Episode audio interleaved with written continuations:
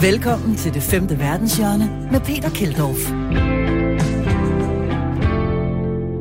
Black, black, black, black cocaine. Black, black, black, black, black, black cocaine. Black, black, black. Vi kører den ind med sort kokain i dag i en historie om, at kokain, der er farvet sort nu, indsmugles i Europa.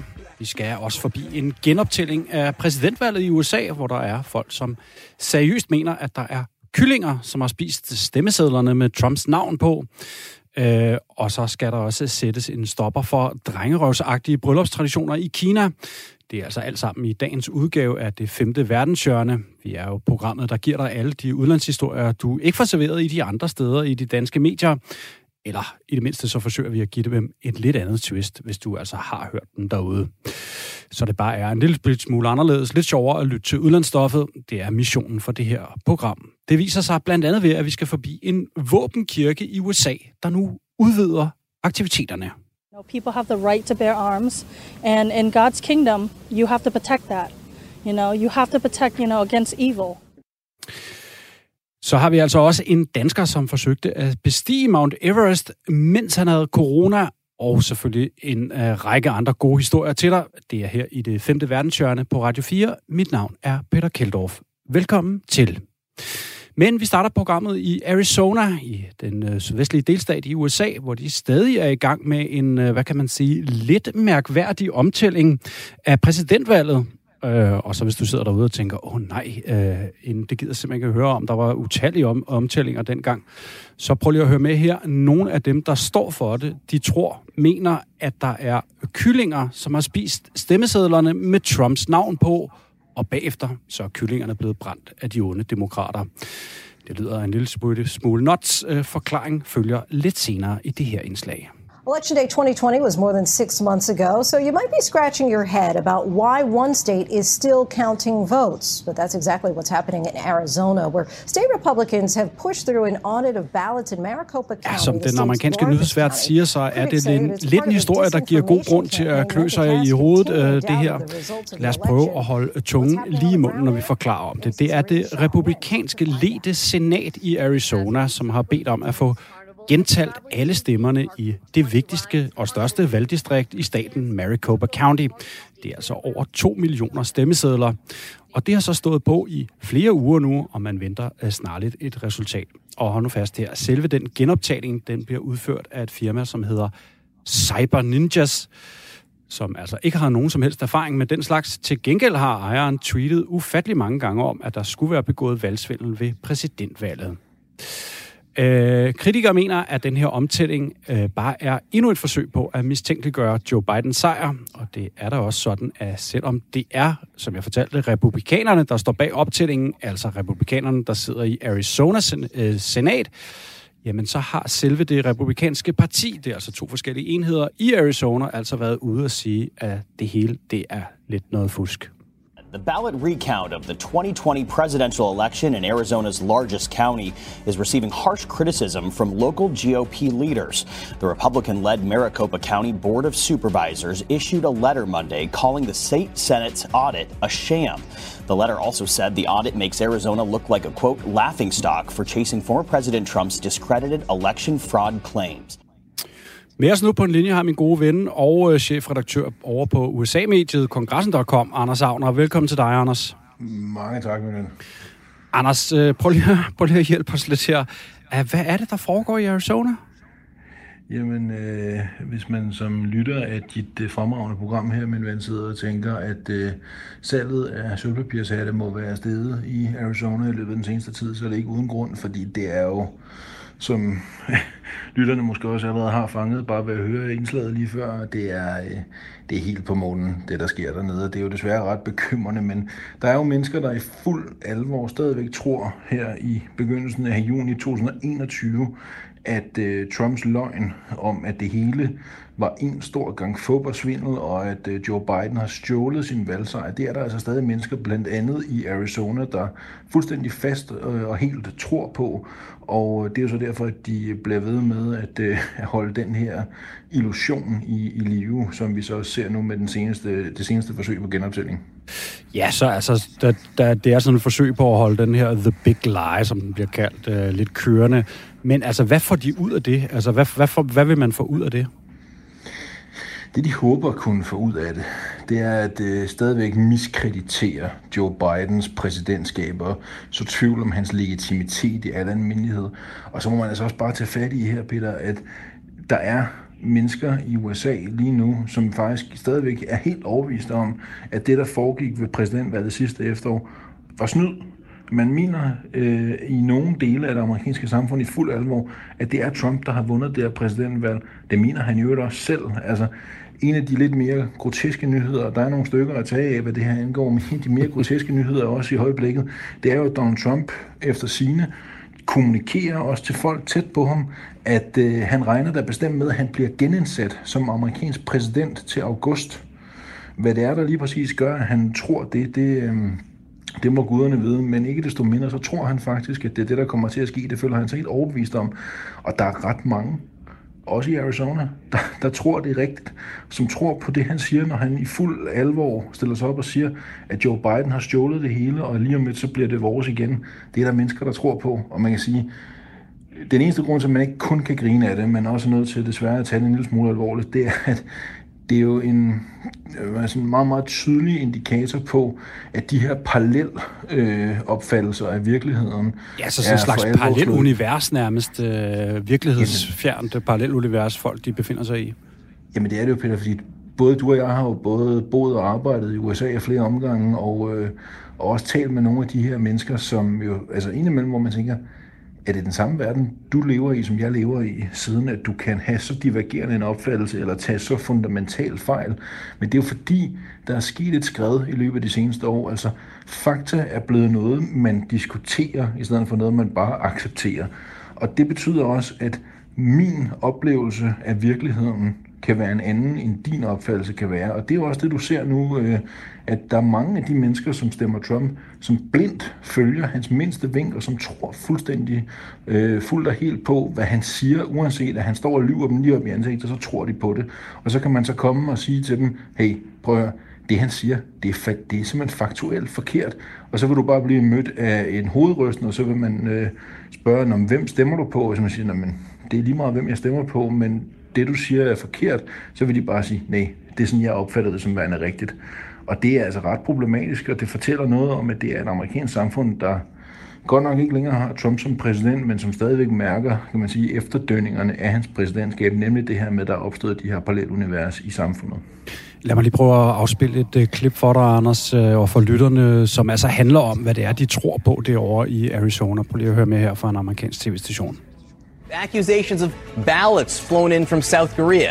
Allegations that chickens ate some of the ballots and then the chickens were incinerated. And you listed some of the things, whether it be checking for bamboo, using the ultraviolet light, but there's other things on this list. Accusations that ballots flown in from South Korea, allegations, literally, that chickens ate some of the ballots and then the chickens were incinerated, I guess. What are some of the other crazy things that are being thrown out? Yeah, I, I mean that that chickens one is probably pretty top top uh, of the charts.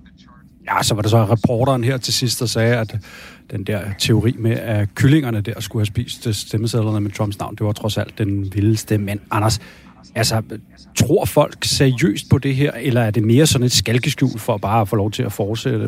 Eller er det måske der er nogen derude, der tror på det, og nogle andre, der, der måske bare misbruger det? Jeg tror lidt, det er begge dele faktisk. Jeg tror, du har fat i de to centrale komponenter her. Netop det med, at der er nogen, der tror på det, og så er der nogle andre, der bare bruger det, fordi de kan øh, se en eller anden form for politisk gevinst ved at blive ved med at gøre det her. Fordi der er jo ikke nogen tvivl om, at der er mennesker i USA, også i Arizona, der fuldt og helt tror på det her pjat. Men der er altså også nogen, som måske godt kan se forbi det, men alligevel så udnytter muligheden for at se, om man kan undergrave Joe Biden, undergrave demokraterne, og på den fasong øh, bruge den her usikkerhed, der er øh, i dele af det amerikanske samfund. Så det er lidt en blanding af de to ting, det handler om. Og så bare helt fuldstændig øh, kort her til sidst, øh, Anders, vi har 15 sekunder tilbage, er den meget planlagte blog øh, øh, til dig, min ven. Øh, Trump 2024, er det noget, man skal gå og vente på? Det tror jeg, du skal. Øh, det er ikke det samme, som jeg siger til dig med sikkerhed, at han stiller op, men der er ingen tvivl om, han gerne vil. Om han så kan, det er en anden sag, og jeg vil glæde mig til at komme tilbage til dit øh, forrygende program her, min ven, og snakke mere om det, men øh, afskrive ham på noget tidspunkt, det kan man ikke. Okay. Anders Agner, chefredaktør over på kongressen.com. Uh, tusind tak, fordi du var med og uh, hjalp os lidt med cirkuset, der foregår dernede i Arizona. Tak for det. Velkommen, min ven.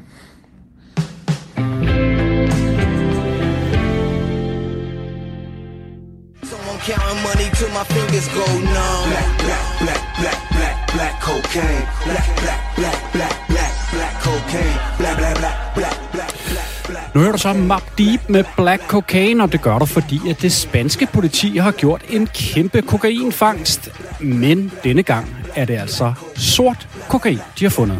Black, black cocaine. Sammen med Portugals politimyndigheder har spanierne fundet næsten et ton sort kokain. Kokain, som er blevet forklædt som trækul. Yes, altså det du bruger, når du skal stege bøfferne på din Weber.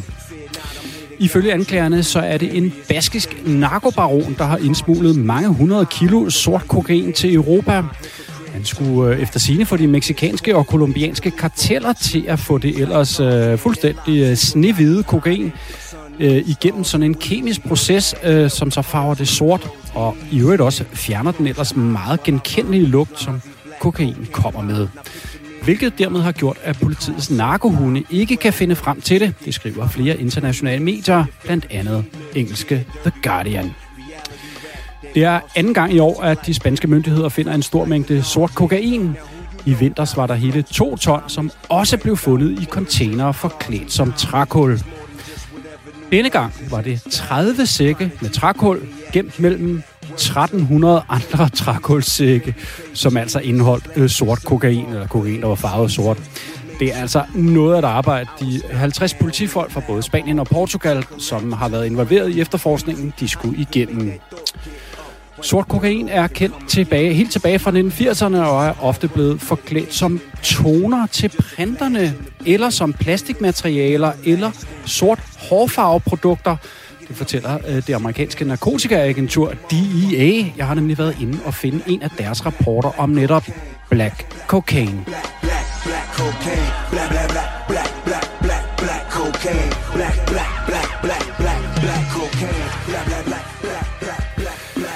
Europol var ude i øh, april og advarer om, at Europa har et kæmpe kokainproblem.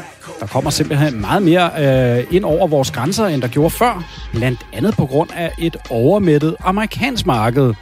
At EU simpelthen bliver set som et potentielt vækstområde for narkokartellerne, og at det skulle være, øh, der skulle være nemme havne at indsmule det igennem, altså her i Europa.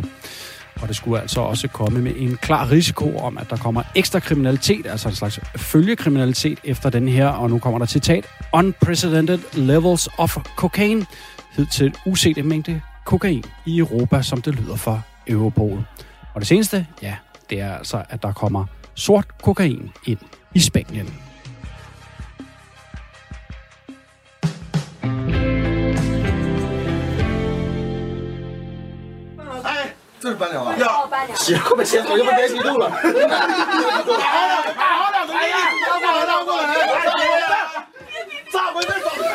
Nu er vi til et kinesisk bryllupsritual, undskyld. Gommen, bruden, brudepigerne og gommens venner bliver på skift sådan kildet og, synes jeg, uskyldigt øh, ravet på, at de andre, det var godt, det lyder ikke så uskyldigt, men øh, de bliver lagt, lagt ned på en slags sofa, og så skubber de andre til dem og, og tager lidt på dem i nyerne, og og så skifter de sådan lidt rundt. Øh, så. Det er den oldgamle kinesiske tradition Navhun, som sker før eller under selve brylluppet. En tradition, som på, øh, synes jeg, forskellige måder at gøre grin eller driller brudeparet. Det minder faktisk på en måde lidt om nogle af de ting, vi gør ved en øh, polterappen for eksempel. Når hun er oprindeligt startet, øh, altså i tidernes morgen, fordi øh, parret ofte ikke kendte hinanden særlig godt, og så skulle der laves lidt gak og løjer for at bryde isen. Og nogle gange, så skulle det altså også funke som en form for sexundervisning, hvor familien og vennerne lige sat tonen for det unge par, lige vidste hvad man skal gøre, øh, før de skulle hjem sammen for første gang. Men det var altså ikke længe før den sidste officielle, når hun har fundet sted. Det kinesiske styre vil nemlig for, forbyde de her pranks. Øh, altså, de vil forbyde at gøre øh, lidt grovgående grin og drille parret før og under selve brylluppet.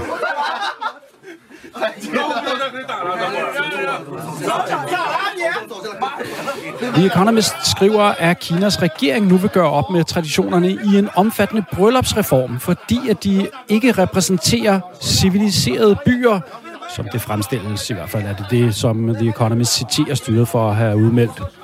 Når hun traditionerne har nemlig taget overhånd de sidste par år. Det vi hører, det er jo i hvert fald det, jeg har set på YouTube. Det virker altså rimelig uskyldigt. Øh, men der har altså været en lang række episoder, hvor øh, ofte har det været mændene, som bliver gjort voldsomt til grin.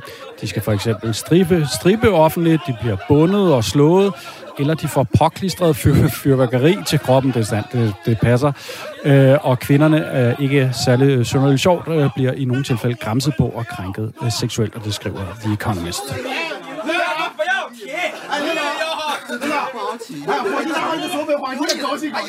Flere af Kinas lokale regeringer i de forskellige provinser har indført endnu strengere regler omkring bryllupstraditionerne. I regionen Indre Mongoliet er der nu et organ, der er styret af Kommunistpartiet, som skal stå for bryllupperne for at dæmme op for løjerne.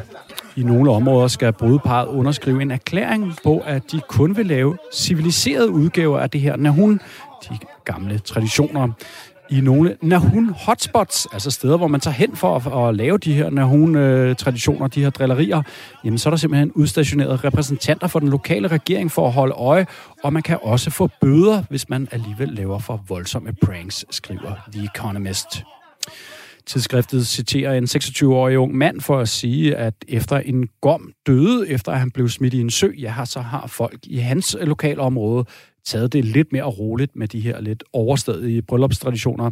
Den samme mand fortæller i øvrigt, at hans onkel satte ild til hans kone, bryllupskjole, da han blev opfordret under de her Nahun-traditioner til at kravle ind under kjolen og stryge med tændstikkerne op mod kjolen. Held og lykke med det ægteskab, siger jeg bare.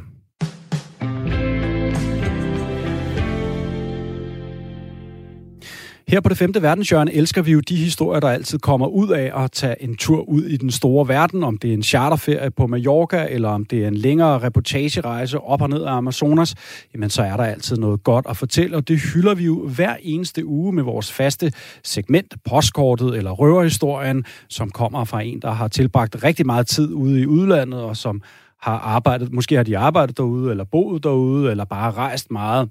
Og det kommer vi jo altså med hver uge i vores faste segment. Og den her gang, jamen, der kommer det fra Jakob Dal, dokumentarfotograf, som blandt andet har rejst meget i lande, der er hårdt ramt af klimaforandringerne. Og Jakob er i øvrigt også ved at færdiggøre en bog med reportager fra lande, som er mest udfordret af klimaforandringerne. Den hedder Living in the Last Days. Og Jakobs fortælling, den kommer i dag fra en tur til Bangladesh. Kære det femte verdenshjørne, jeg vil i dag bringe jer med til den bengalske bugt i Bangladesh, hvor jeg i 2009 var ude og besøge folk, der levede på eksistensens absolut minimum. De boede i små hytter, de selv havde bygget oppe på små øer, de havde gravet op. Fordi i maj måned, den 25. i 2009, der kom cyklonen Ejla og fuldstændig ændrede deres hverdag til at blive minimeret til absolut, hvad der var det mest nødvendige for at overleve. Cyklonen herven kom med 90 km i timen og ødelagde dæmningerne, der lå rundt om den fine lille ø, Gaburi Union Island, som ligger nede i det sydvestlige hjørne af Sundarbans, som er et kæmpestort mangrovedelta, hvor at tiger og mennesker lever i en samme eksistens.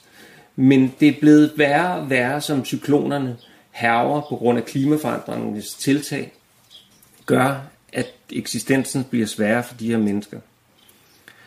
Den 25. maj, da det var, at cyklonen ødelagde øh, deres stemninger på øen, forsvandt deres rismarker, og hele det, som de levede af, forsvandt fra den ene dag til den anden.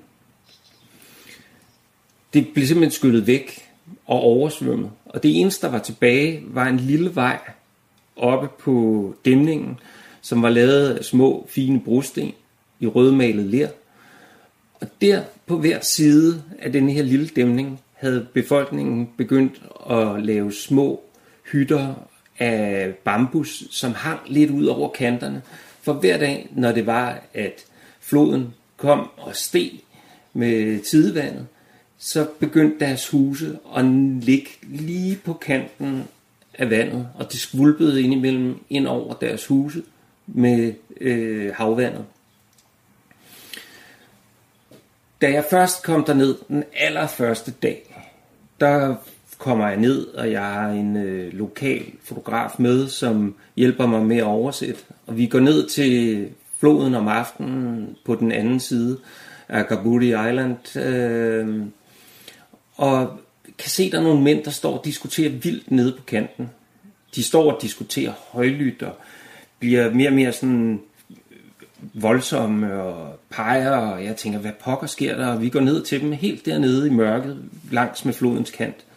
Og for så at vide, at lige der, der dagen inden om aftenen, på cirka det her tidspunkt, hvor vi stod der, var en tiger kommet op fra floden, og havde simpelthen angrebet en mand og dræbt ham lige på det her sted, hvor vi nu stod.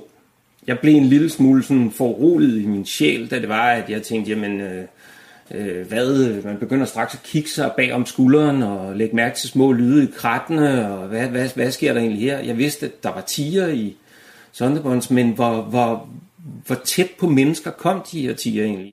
Lokalbefolkningerne, som har mistet sådan deres livsgrundlag ved den her cyklon, de bliver nødt til at finde andre måder at skaffe føde, og mange af dem, de tager sig over i Nationalparkens mangroveskov for at fange tigerejer eller store krabber, og der er også honningjæger, som går ind i skoven for at hente vild honning, men i frygt for tigerne, så øh, er det kun de værste og mest sådan frygtløse mænd, som tager derind.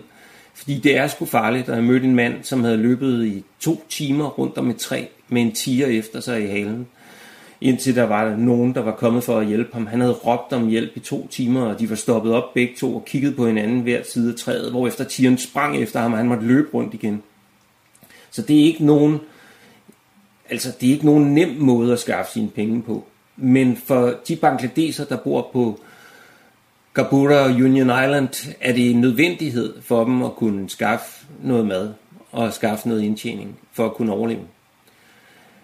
Det var sådan, at den her ø, efter cyklonen, havde den mistet sin drikkevandsreservoir, og der var nogle få, øh, få øh, de, efter cyklonen havde de mistet deres øh, drikkevandsforsyning, og der var nogle små vandpumper, som de prøvede at pumpe vand op af.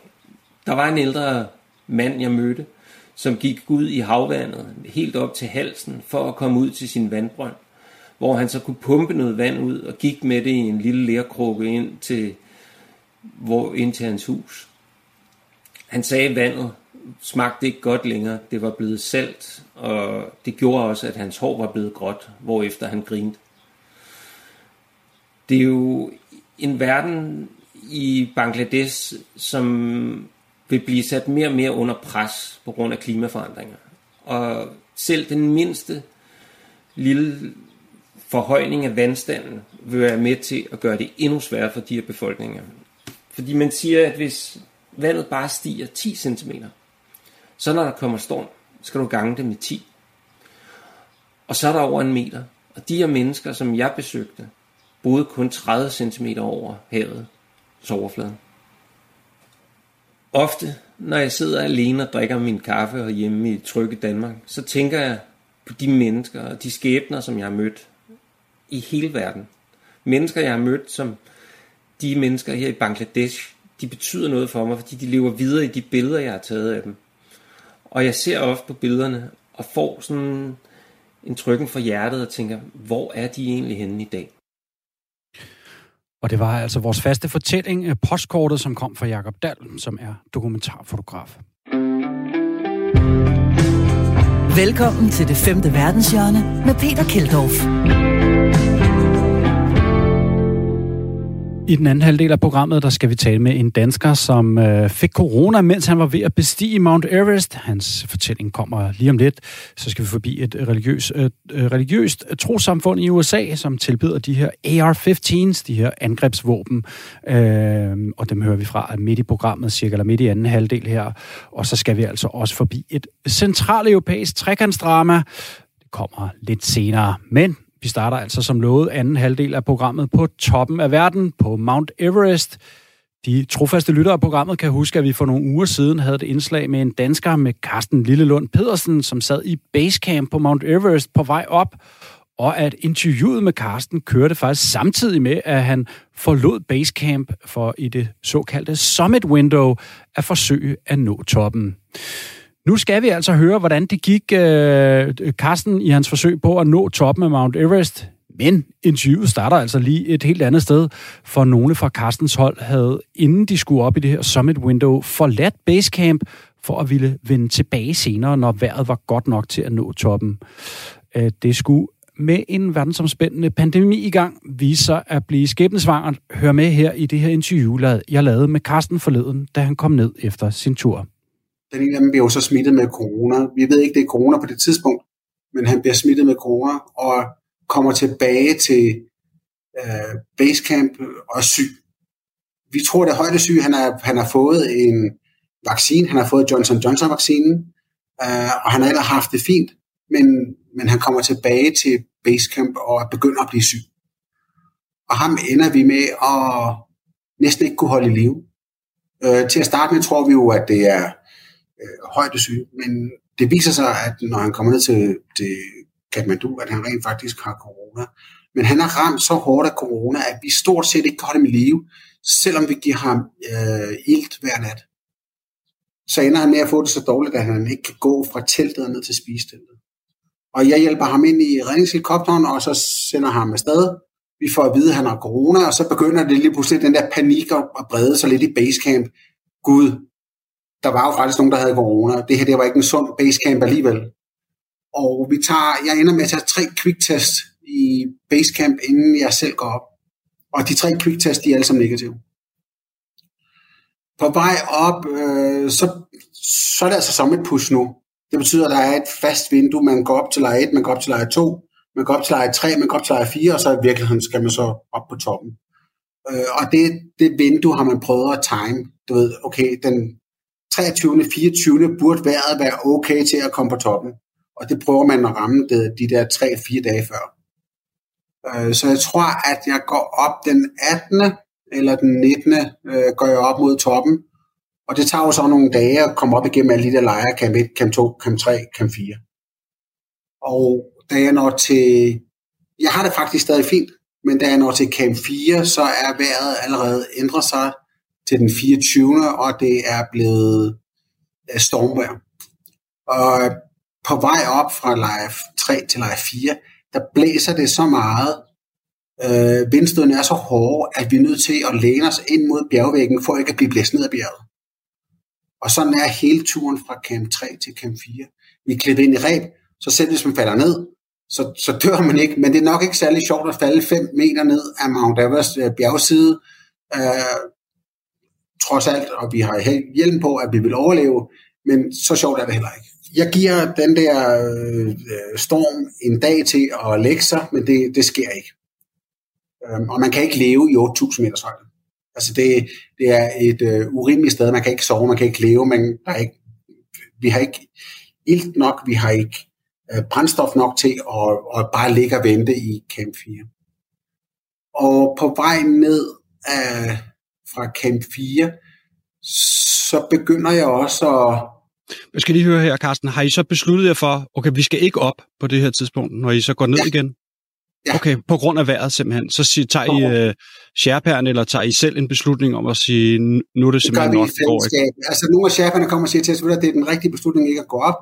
Uh, vi har allerede på det tidspunkt også sendt et, uh, fordi der er jo nogen, som ikke er så modige, så vi har en bjergbestiger fra vores hold, som øh, nogle bjergbestiger fra vores hold, som går mod toppen, og nogle lykkes det også at komme på toppen, men der er også nogen, der må reddes ned. Så vi sender faktisk tre øh, sherpaer op for at hjælpe med at redde en bjergbestiger ned, som faktisk er gået i stå på vej ned. Og hvis ikke at han bliver reddet ned, så dør han. Og, så det vil sige, at det her det er altså folk, der så har sagt, okay, Sherpærne kommer og siger, at det er den rigtige beslutning at gå tilbage, men vi vælger at fortsætte, og så ender den person så, som du omtaler her, han ender så med at blive reddet bagefter. Er det, er det rigtigt forstået? Ja, ja det er det. Øhm, og, og man kan se, jeg har også uploadet et billede på min, på min Facebook-side, man kan se, at hans dundragt er blevet fuldstændig reddet i stykker, fordi de har måttet slæbe ham ned ad bjerget. Øhm, og det er jo det, der desværre sker. Der er jo fem, der er, der er i hvert fald fem, der er døde. Jeg ved ikke, om der er flere, der er døde her på den sidste uges tid, men der er i hvert fald fem, der er døde på Everest i år. Og som Bjergmane, eller som Sherpane siger, jamen der er altid nogen, der dør på Everest. Og, og der plejer også at være cirka 10, der dør på Everest. Men nogle af dem er dør jo, fordi de ikke skulle være gået op. Um, Hvordan er det så for dig, Carsten, at, at sidde her og så endnu en gang ikke komme op på Everest? Er, er, er du ærgerlig, eller er du glad, glad for, at du ikke gjorde det, fordi man jo rent faktisk risikerer at dø, som du siger? Øhm, nu har jeg, jeg har bestedet, jeg har bestedet 110 bjerge, øhm, og jeg har du ved, besøgt mere end 100 lande. Så for mig er det her bare et bjerg, der skal bestiges, ligesom alle mulige andre ting i livet, der skal lykkes.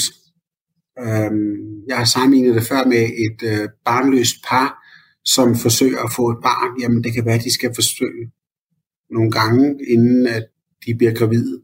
Men det er jo ikke øh, bagefter noget, der er relevant.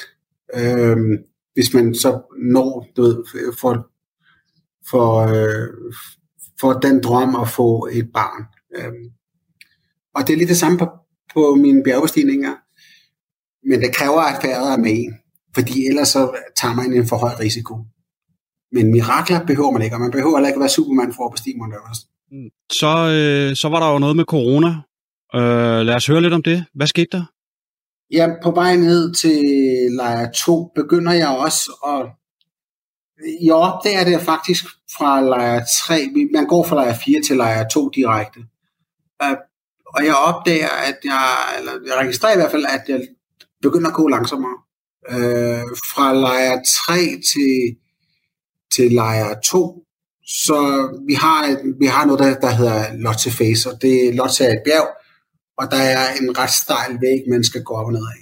Og det kræver, at man er fokuseret, men det kræver også øh, et skridt forkert, og så, og så falder man ned, og så dør man.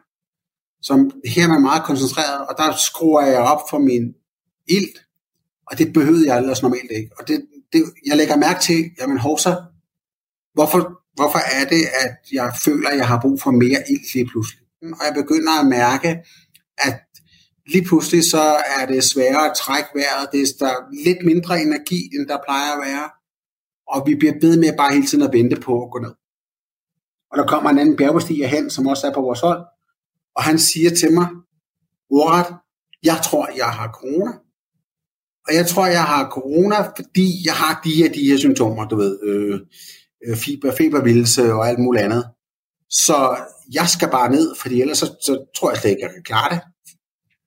Og så tænker jeg, nej, nej, nej, du har sikkert ikke corona. Det er sikkert bare Mount Everest, du ved, vi, bare, vi har bare højdesyge. Øh, du ved, bare vent på, at vejret bliver bedre, det er usikkert at gå ned nu. Sherpaerne kan heller ikke lige at gå ned. Det siger også, lad os vente med at gå ned, fordi lige nu, vi kan ikke se en skid. Så lad os vente med at gå ned indtil, at øh, vejret er bedre.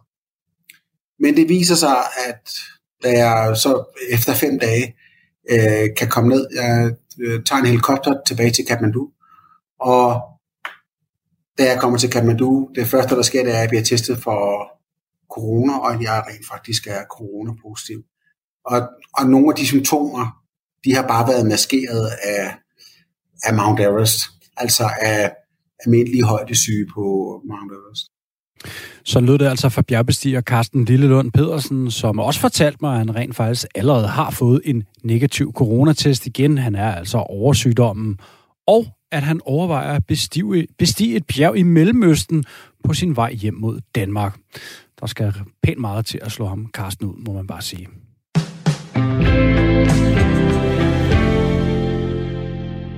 One church in Pennsylvania wanted to celebrate AR 15s in this incredibly tumultuous time in America in regard to gun violence. And so, Så vender vi os øh, mod en af mine absolute yndlingstrosamfund, eller måske skal vi bare kalde dem det, de er, insekt, nemlig den våbenelskende kirke i Pennsylvania, The Sanctuary Church, der tilbyder de her AR-15s, automatiske angrebsvåben, som de har med til deres gudstjenester. Det er altså store geværer. Øh, den her kirke, de rører nemlig på sig igen, men lad os lige høre endnu et klip øh, med dem fra øh, et par år siden, øh, da de holdt et masse bryllup, hvor de havde sådan nogle kroner om hovedet, der var lavet af patroner, og en masse folk, som havde de her rifler, automatiske gevær, de her AR-15s med ind i kirken. as hundreds of people came together Wednesday at the Sanctuary Church for a couple's blessing ceremony, more than 50 of them also brought their AR 15s. The rifles symbolize the rod of iron in the biblical book of Revelation. Participants say the service was moving. You could feel the love and the peacefulness of the ceremony. It's not a violent thing. Nu er der altså gang i den her kirke igen. De har netop købt en stor mængde land i Texas, så såkaldte patrioter, patriots, trofaste medlemmer af den her øh, kirke og øh, andre sande typer, de har et sted, de kan tage hen, når konflikten mellem dem og hvad de i deres øh, forholdsvis store paranoia tror er The Deep State, den dybe stat, som altså i deres opfattelse begriber dem hele tiden. Når den konflikt bliver for meget, ja, så har de altså et sted at chille lidt. Det er en historie, som kører blandt andet i Vice News, der altså har historien om, at The Sanctuary Church nu har opkøbt land i Texas. Kirken er dog øh, relativt lille, og der er altså sådan forholdsvis få af de her øh, øh, våbenglade typer. Men det er jo en udspringer af Moon-bevægelsen, hvis I kan huske den. De var store på sekt- og kultområdet i 80'erne og 90'erne.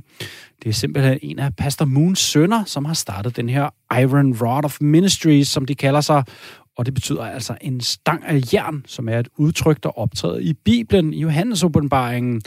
Og lederen af den her våbenkirke mener altså, at det er et udtryk for, at våben, øh, og, øh, at de til, og derfor så tilbyder de altså de her AR-15's. The Iron Rod skulle altså være et udtryk for våben, og derfor tilbyder de de her angrebsvåben, øh, som jeg bare lige en bisætning vil nævne, uh, også er det klart mest foretrukne våben blandt amerikanske massemordere, når de laver de her masseskyderier. For us, what our pastor is teaching right now, we call the rod of iron, which is the teaching of self-defense. Um, we as good, you know, people, um, you know, we strongly believe in the Second Amendment. You know, people have the right to bear arms, and in God's kingdom, you have to protect that. You know, you have to protect, you know, against evil. So showing the rod of iron, which represents, you know, for, for, for our church, is the AR-15. Den her kirke den er blevet noget mere militant, efter at grundlæggeren Sean Moon deltog i stormen på kongressen den 6. januar, hvor Trump støtter konspirationsteoretikere og militstyper stormede det amerikanske demokrati. Og det skriver Vice News. Kirken er meget Trump-tro, og lederen har fortalt Vice News, at de mener, at Gud arbejder gennem Donald Trump for at han skal skaffe os af med politisk satanisme, som blandt andet skulle være øh, den dybe stat og The Swamp, som Trump jo i sin tid som præsident tordnede meget imod. Jeg har faktisk engang været i kontakt med de her mennesker i The Sanctuary Church om at komme og besøge dem og filme lidt, øh, hvad de render rundt og laver. De var faktisk overraskende flinke. Altså virkelig flinke at tale med. Men de havde fået så meget presseopmærksomhed, da de lavede det der stunt, som vi hørte fra, med massebrylluppet med de her våben, at de ikke var så glade for journalister længere, så de ville kun have besøg en gang om året, når de lavede deres store show med det her, øh, det her bryllupsshow. Det kørte de åbenbart en gang om året. Øh, men nu, hvor de udvider i Texas, jamen så bliver der altså måske mulighed for at besøge dem igen. Mm, en sektagtig bevægelse med masser af våben i Texas – hvad kan dog gå galt? Jeg tror godt, vi kan klare at høre endnu et klip, denne her gang fra en lidt befippet amerikansk tv-vært, der behandler den her kirke. In these images, you see these individuals who claim that they're religious and it's, you know, part of their belief system and their values, but they're worshiping a weapon. They're worshiping, you know, inanimate object, an inanimate object. So it's just, it's all strange, but this is American culture. This is a slice of American culture.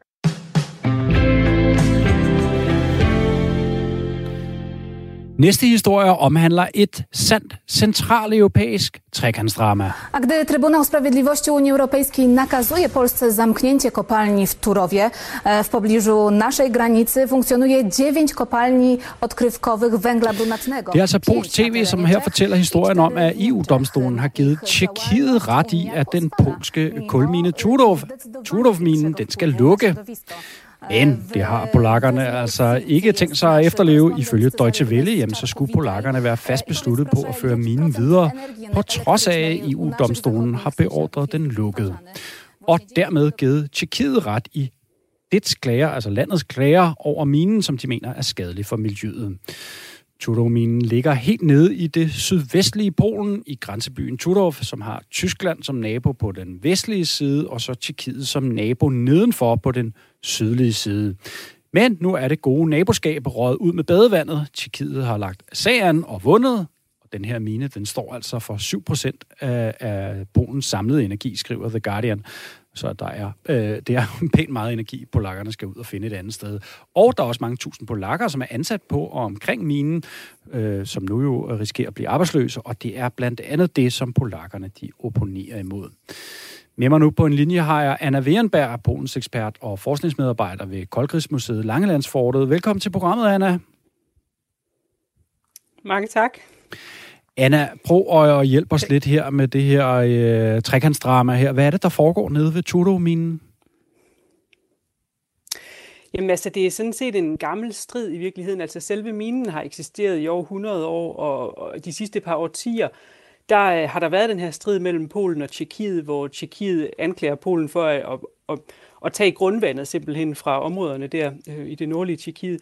Og så har der været en masse dialog, og det har jo så været kørt bilateralt mellem de to lande. Og så øh, nu stod minen så til snart øh, at skulle lukke, eller i hvert fald at der skulle tage stilling til, at den måtte forlænges. Og det er den så blevet nu. Og det betyder så også, at den skal udvide en lille smule mod syd, så den kommer endnu tættere på Tjekkiet. Og der har så været en dialog omkring det, hvor Tjekkiet simpelthen har følt, øh, at de slet ikke er blevet lyttet til og følt sig helt kørt over.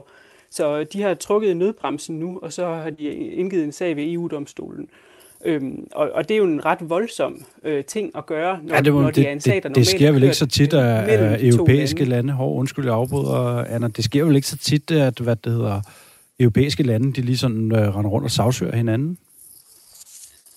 Nej, det er ikke, det er ikke øh, særlig almindeligt, og slet ikke mellem sådan nabolande, der plejer at have det godt.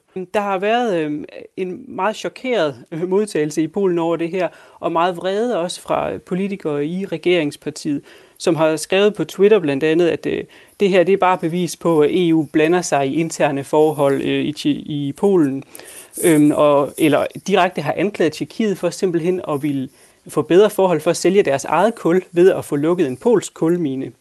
Så det har været ret voldsomt, og, og den polske premierminister, han har så været ude at sige sidste uge, efter at have talt med den, sine øh, tjekkiske kollega, at nu var der fundet en løsning, og Tjekkiet de ville øh, øh droppe den her sag igen. Og det viste sig så, det sagde den tjekkiske øh, premierminister så lige bagefter, det passede ikke. Altså, så det har sådan været en meget kaotisk stemning faktisk i Polen her øh, den, den sidste uges tid. Og hvordan, øh, jeg ved, vi talte sammen, og der, der sagde du, at, at den polske regering øh, faktisk bliver set lidt som, som, som taberen i det, her, i det her spil. Jeg havde jo ellers en teori, da vi talte sammen i telefonen om, at, at det ville være godt for den lidt EU-kritiske regering i Polen, så kunne de sige, se nu der, nu kommer onde EU og, og ja. gør noget ondt ved os. Men, men sådan ser du det ikke helt, kan jeg huske, du fortalte Nej. mig? Nej, det gør jeg ikke, fordi de har jo netop kørt den her spin op, den polske regering, om at deres problemer med EU, det skyldes nogle byråkrater, der ikke er folkevalgte, som sidder i EU-systemet, og så skyldes det nogle tyskere, og, og sådan, altså de har ligesom sat sådan et fjendebillede op, og det passer overhovedet ikke med, at det er nu deres gode ven og naboland Tjekkiet, som anlægger sag. Så det udstiller i meget høj grad, at det, det nok også er dem selv, der ikke er særlig gode til at føre udenrigspolitik. Og så og oven i det, så kan man sige, at det polske regeringsparti er jo også meget stort og meget bredt, så det udstiller også en konflikt internt i partiet, fordi dem helt ude til højre, de kører meget hårdt på nu med, at det her det er bare udlandets skyld osv. Hvorimod dem, der er mere moderate og dem, der er mere midtersøgende, de kan slet ikke være med på den dagsorden der. Øhm, så så det, det udstiller en meget, en meget stor øh, konflikt også i øh, regeringspartiet på det her. Og i virkeligheden også omkring øh, kul, hele kuldebatten og klimadebatten, fordi der, der er partiet også relativt bredt, og har jo øh, sagt ja nu til, øh, har, har godkendt EU's plan der, har, øh, har lovet at lukke kulminerne øh, inden 2050, og har lavet aftaler med fagforeningerne og sådan noget, og der er også noget intern opposition ud til højre øh, i øh, regeringspartiet omkring øh, justitsministeren, som har ligesom sit eget parti i regeringskoalitionen. Øhm, så, så, det, så det udstiller, altså det er faktisk noget af et problem for regeringen, det her. Det er en rigtig dårlig sag for dem. Tusind tak for det, Anna Wierenberg, øh, Polens ekspert og forskningsmedarbejder ved Koldkrigsmuseet Langelandsfortet. Tak for det, Anna, fordi du gjorde os lidt klogere på det her øh, drama nede i øh, det sydlige, sydlige Polen, der grænser op til Tjekkiet. Selv tak.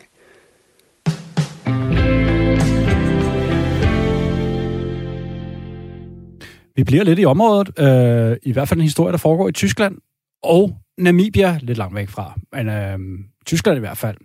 De to er nemlig godt op og toppes, efter at den gamle kolonimagt Tyskland har forsøgt at komme med en slags undskyldning og et økonomisk plaster på såret. Øh, nu skal jeg lige lede efter et lydklip her, det må I altså undskylde, det er der. Øh, et plaster på såret, der ikke blev helt så godt modtaget i Namibia. Hør med her.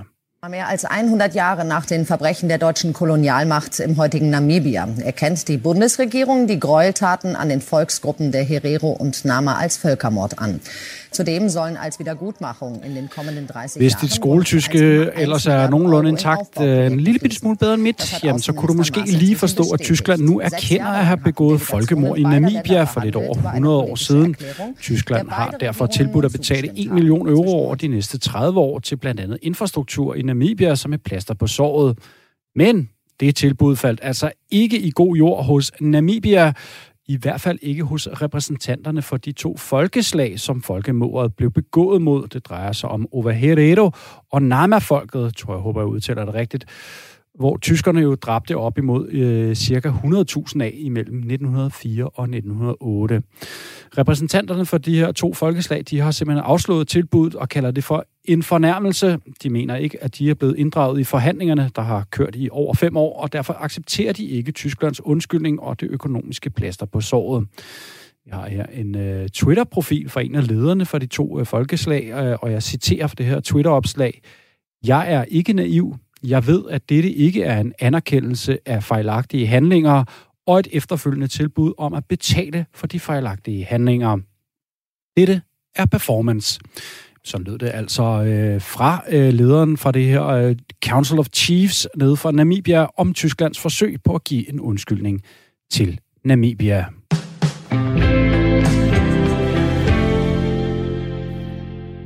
Vi slutter øh, den her udgave af programmet med verdens sureste teenager, men måske også verdens mest kreative sure teenager.